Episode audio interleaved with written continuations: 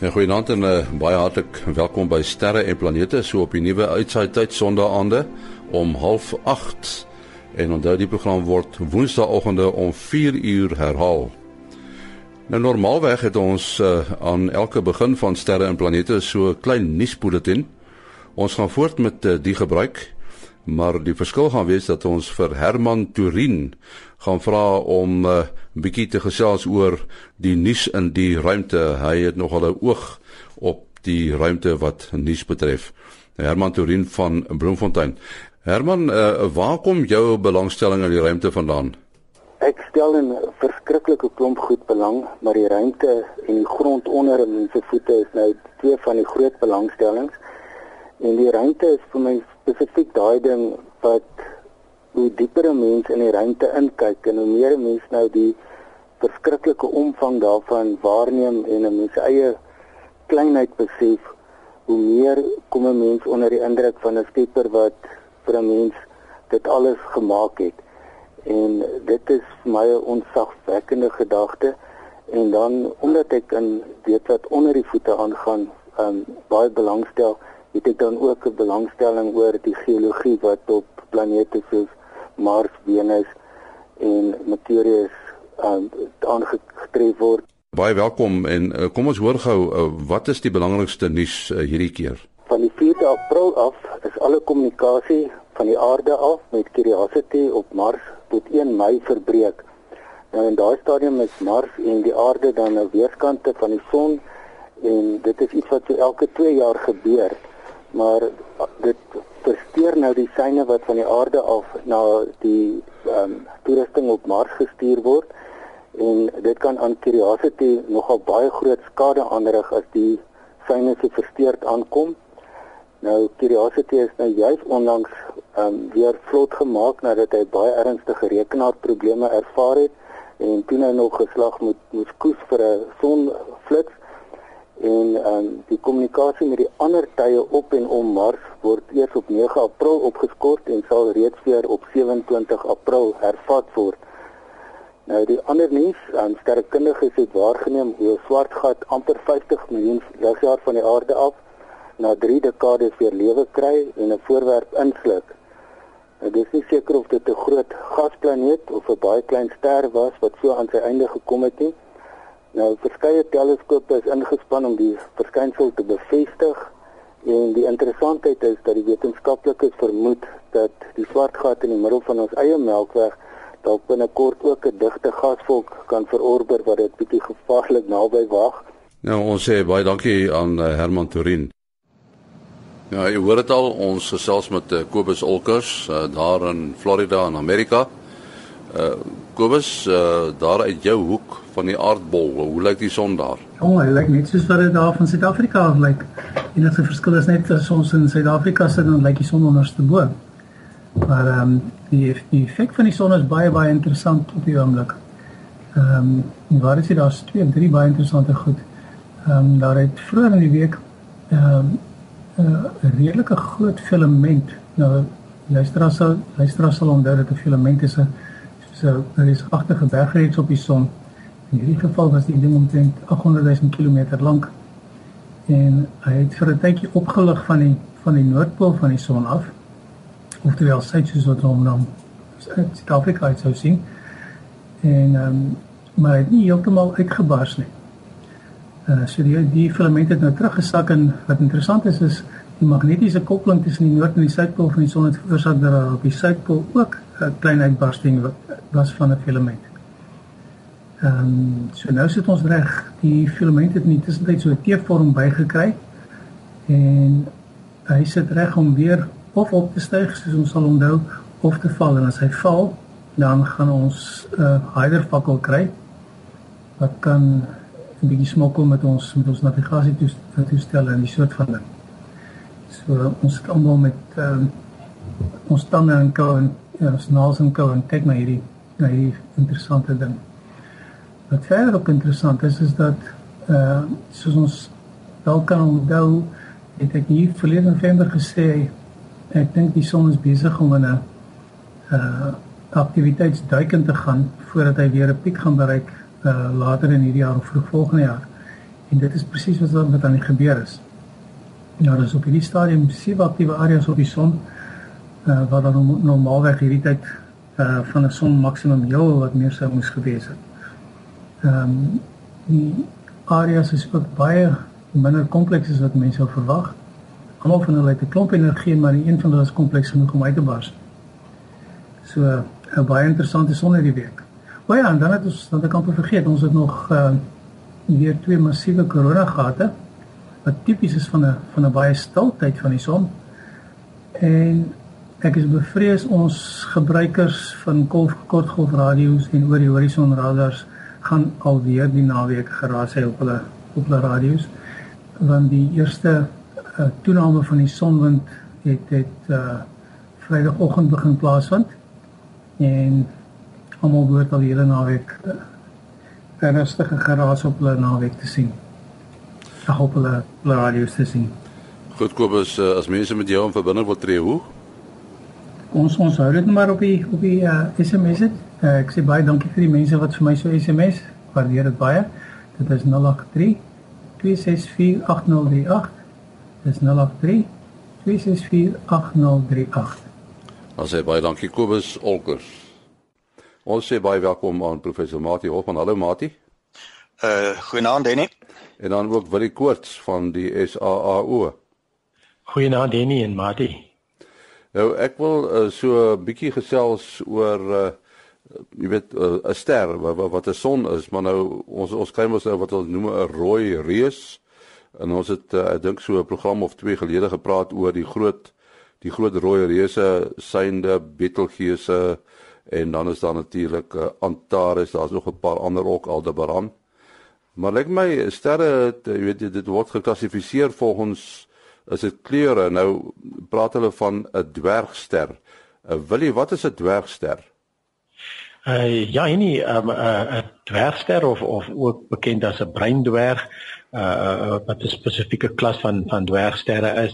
Dit is 'n oorgewig planeet of dit is 'n ster wat nooit wat nooit regtig regtig in Engels praat hulle van 'n failed star of of 'n ster wat wat eintlik toe nou op die nooit nooit regtig aan die gang gekom het nie.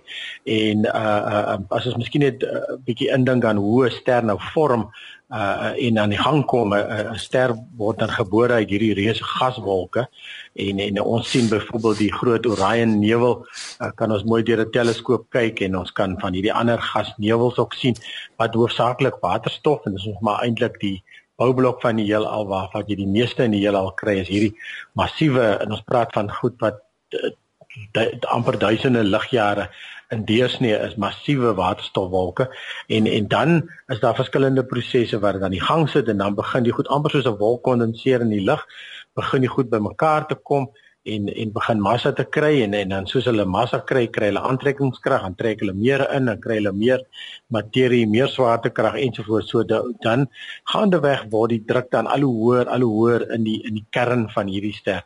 En ons ken ook die uh, bekende effek van as jy 'n fietspomp uh um gebruik dan raak die fietspomp warm, so as jy lug saampers dan dan genereer daar hitte en uiteindelik as die hitte hoog genoeg raak, die druk raak hoog genoeg en dit neem op baie tyd. Dit, dit kan kan tipies 'n miljoen jaar neem voordat dit reg aan die gang kom. Dan kry jy atoomfisie waar die waar die atome dan uh, mekaar ingedwing word om dan amper soos die atoombom en dit is by, by name spesifiek die waterstofbom het op dieselfde prinsip gewerk en dan sit die sit die ster waterstof om na helium. So uh, maar as daar nie genoeg massa was nie dan uh, dan kry jy dat dat uh um dat die ster nie regtig aan die gang kom nie. Daar's nie regtig genoeg druk en en temperatuur om om uh, om dan om dan hierdie hierdie atoomreaksie aan die gang te sit nie. Nou Jupiter self wat natuurlik die grootste planeet in ons sonnestelsel is, is is is massief 300 maal so groot soos die aarde en en Jupiter self straal meer hitte uit as wat hy van die son ontvang of dan weerkaats. En en so in in Jupiter self is daar is daar amper so 'n effek aan die gang. Nou as 'n as 'n ster nou so 'n paar maal groter as Jupiter raak, dan uh, uh, kom kom jy op hierdie breindwerg situasie waar die ster nie regtig genoeg energie het om uh, om die atoom uh, reaksie aan die gang te sit nie, maar maar wel gloei dan uh, uh, kan ons natuurlik 'n uh, so ster waarneem met infrarooi want infrarooi is hitte en dan kan 'n mens uh, uh, hierdie hierdie hierdie sterre uh, waarneem alhoewel hulle nie regtig genoeg lig uitsit om om te gloei nie. Nou onlangs is is nogal een van ons uh, sterrekundiges by Salt, een van ons Salt uh, sterrekundiges, Alexei Krenezev het uh, uh, saam met 'n klomp medewerkers het hulle die naaste dwerg uh, breindwergster aan die aan die son ontdek. Uh, slegs 6.5 ligjare van ons af. Nou ons weet dat die naaste ster behalwe die son is, is natuurlik die die Alpha Centauri wat 4.2 ligjare. So dis net so 'n klein bietjie bietjie buitekant dit. Nou die ontdekking was moontlik gemaak deur die WISE satelliet wat nou ook al uiteindelik opgehou werk het en die WISE het het 'n het 'n 'n sogenaamde survey gedoen, 'n die hele naghemel bekyk en hulle het 'n sekere bronne en dan ook in die infrarooi het die het hierdie uh um uh, satelliet vir ons 'n klomp data ingesamel. En toe het hulle Alexei en sy en sy medewerkers het toe gegaan gaan kyk na dan hierdie sterre, hierdie hierdie hulle het nog nog nie die dwergster ontdek nie, maar net gaan gaan kyk na die data en gekyk na goed wat die meeste beweeg. En en dit wil sê hulle moet naby aan ons wees. En en en toe nou uh, uh, dieper en dieper gekyk, hulle het uiteindelik salt self gebruik uh wat uh, dit spektrograaf op dit gebruik maar dit was eintlik eers na die ontdekking gedoen is. Hulle het begin met die infrarooi Japaneese infrarooi teleskoop die uh IRSF infrared survey teleskoop uh wat um, dan in 'n spesifieke infrarooi dit wil sê die hittebande na na die hemel kyk uh die stelsel toe ontdek. Toe hulle die uh, 74 duim of 1.9 duim teleskoop gebruik in Sutherland om uh, fotomet fotometrie te doen in die in die sigbare 'n uh, deel van die van die spektrum en toe uiteindelik salt gebruik en die spektrograaf op salt het hulle uh toe gebruik om um, om die ster waar te neem. En en dan en dan die hele die hele stelsel van van sterre daarso wat wat nou uiteindelik vir ons hierdie dwyn uh, breindwergsterre uh uh, gegee het wat net uh, 6 en 'n half ligjaar van ons af is. Net om vir die luisteraars dalk nou ook 'n gevoel te gee, mens kan nou iets soos die breindwerge, maar dan jy nou ook uh, onder andere wit dwerge waar die breindwerge uh, nou 'n paar keer die grootte van Jupiter is en soos wat Willie gesê het,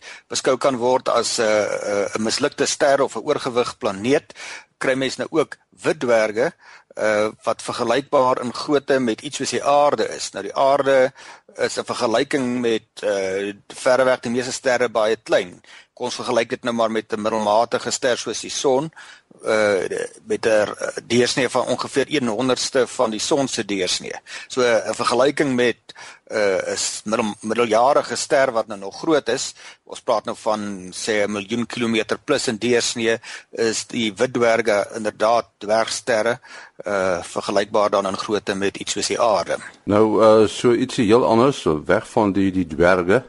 Ons uh, wil 'n bietjie gesels oor uh 'n uh, radioteleskope. Ons weet nou almal van die sogenaamde Square Kilometer Array of SKA wat toegeken is aan Suid-Afrika. Die grootste deel is in elk geval toegeken aan Suid-Afrika. Maar uh Suid-Afrika en Australië is nie die enigste plek waar daar groot radioteleskope is nie. En ek dink uh Mati in die Atacama woestyn, is dit in Chili? Is daar ook 'n redelike klompie radioteleskope? Uh ja, dis nou in die woestyn in die noorde van Chili en uh laasweek uh is die eerste fase van die uh ook 'n fantastiese instrument geopen, bekend dan as ALMA. Uh, en dit staan vir die Atacama Large Millimeter Submillimeter Array. Uh nou dit is 'n mond vol, maar dit gaan daaroor dat uh ons nou teen die tyd weet dat om die geheime van die van die heelal te ontrafel, moet ons op soveel moontlik maniere as moontlik gaan kyk. Dit beteken nie net met wat ons met die oë kan sien en dan die optiese teleskope wat jy met die oë kan sien nou net nog verder strek nie. Die die optiese teleskoop uh werk maar met dieselfde lig as jou oog. Uh het jy dan nou ook die ekstra teleskope en dan die die die, die sogenaamde mikro mikrogolf uh, en radioteleskope. Nou radioteleskope sal nou werk met golflengtes in die orde van sê uh 'n paar millimeter tot uh 'n hele klompie meters, maar dan kry jy nou hierdie hierdie tussenin 'n uh, groep wat baie belangrik in die sterrekunde is en dit is die uh golflengtes wat in die orde van millimeter is of selfs 'n breekdeel van 'n millimeter. Jou probleem met daardie golflengtes is dit uh, word grootliks deur die atmosfeer geabsorbeer. Uh en dis hoekom hulle dan hierdie bepaalde plek gaan kies het, baie droog omdat dit 'n woestyn is en dan baie hoog bo seespieël. Ons praat van ongeveer uh 5 km, 5000 meter bo seespieël. Dis kyk jy deur baie min atmosfeer en dan ook nog 'n droë atmosfeer sodat 'n baie kleiner persentasie van hierdie bepaalde soort lig of elektromagnetiese golwe dan geabsorbeer word. Nou net om 'n gevoel te gee eh, te kry vir die skaal van hierdie teleskoop. Dis nou nie heeltemal dieselfde as as as die SKA wat in Suid-Afrika kom nie. Die verskil is nou die SKA moet nog groter, ons is daarom al by die meerkat, maar die Alma is eh, is nou stewig aan die gang en hy sal uiteindelik uit 66 skottels van verskillende groottes, uh, maar uh, uh, 25 van hulle sal so 12 meter in deursnee wees. Ek is nou nie presies seker hoeveel van die skottels nou klaar in uh, in in bedryf is nie uh omdat hulle so in die die uh kort golflengtes kyk moet hierdie skottels baie akkuraat ge, ge, ge, gevorm wees. Hoe korter jou golflengte, hoe meer presies moet jou weerkaatsende oppervlak wees. Soos byvoorbeeld met die optiese teleskope gaan jy tot hier op 'n uh, uh, nanometer, 1000 miljoenste of 'n miljoenste van 'n millimeter uh wat jy jou oppervlak akkuraat moet vorm. So hier is nou nie heeltemal so akkuraat nie, maar vir so 'n groot struktuur nog steeds baie akkuraat. En dan wil mens met so 'n groot instrument twee dinge reg kry. Jy wil so veel as moontlik van die energie opvang van daardie bepaalde golflengte en jy wil ook graag groot hê deursnee. Want hoe gro groter jou teleskoop is, hoe fyner kan jy kyk.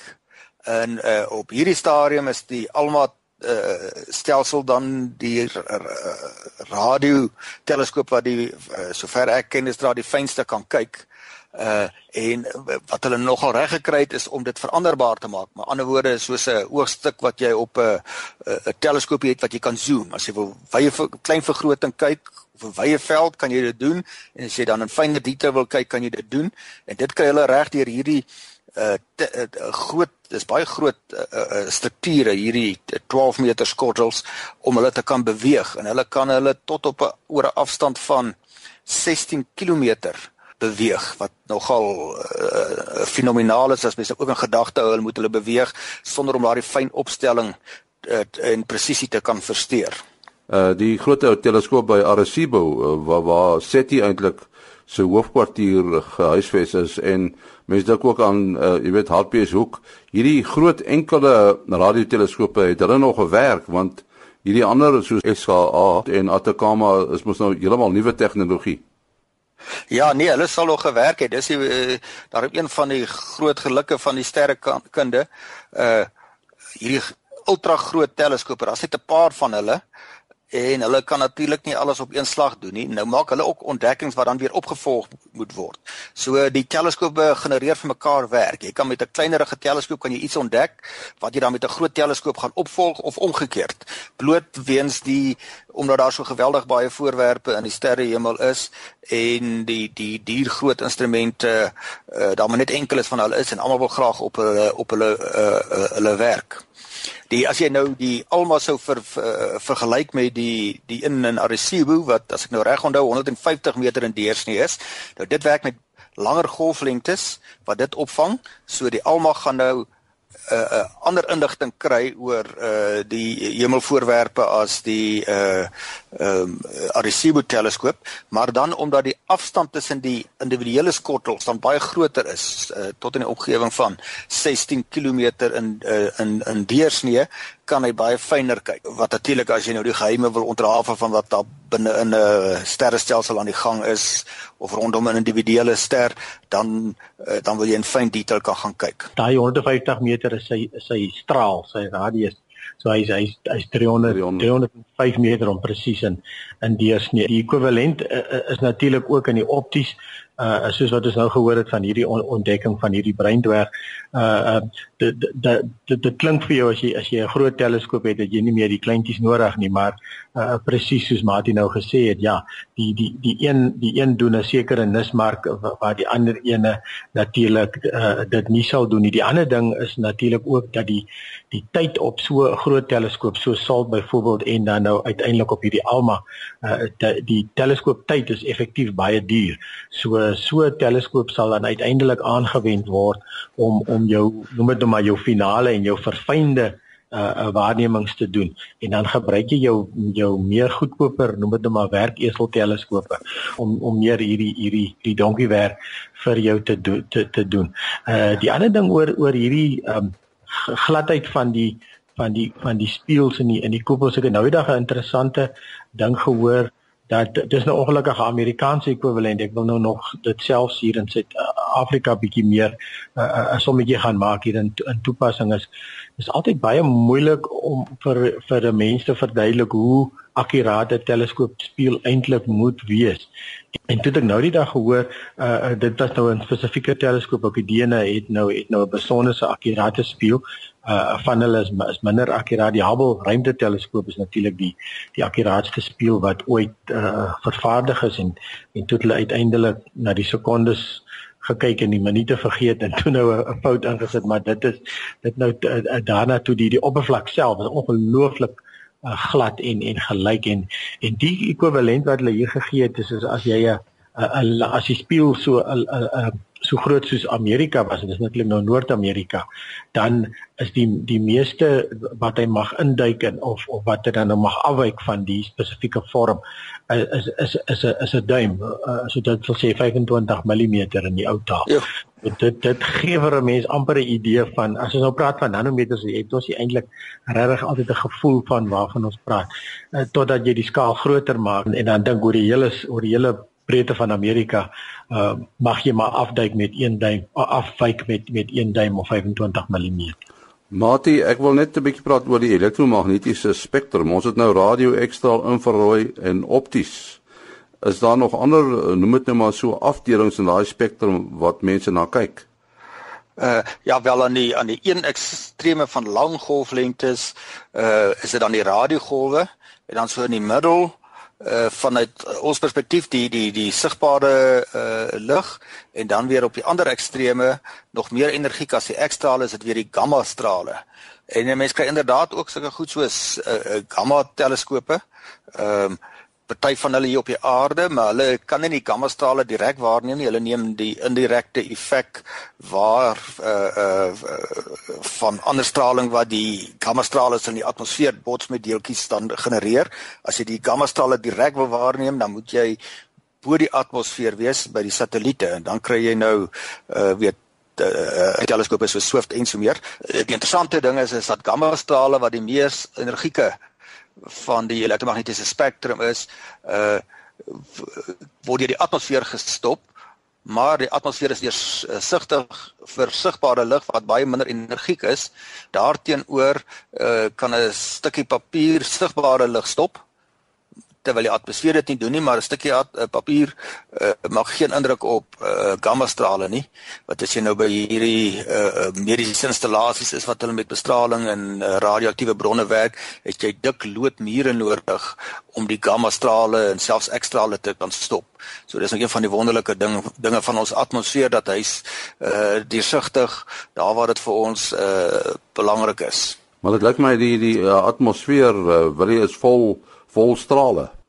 Hey, ja, beslis, beslis. Ons ons is regtig omring en omsingel van hierdie van hierdie uh uh bestralings en en soos Martin nou gesê het dit dit die hele die hele spektrum uh deur ek het 'n interessante voorstelling al gesien van as mens nou die golflengtes van hierdie verskillende strale wil vergelyk met met goed wat jy ken dan is jou radio golwe die lang radiogolwe is is is op die skale van geboue, ek meen wolkekrabbers se hoogtes.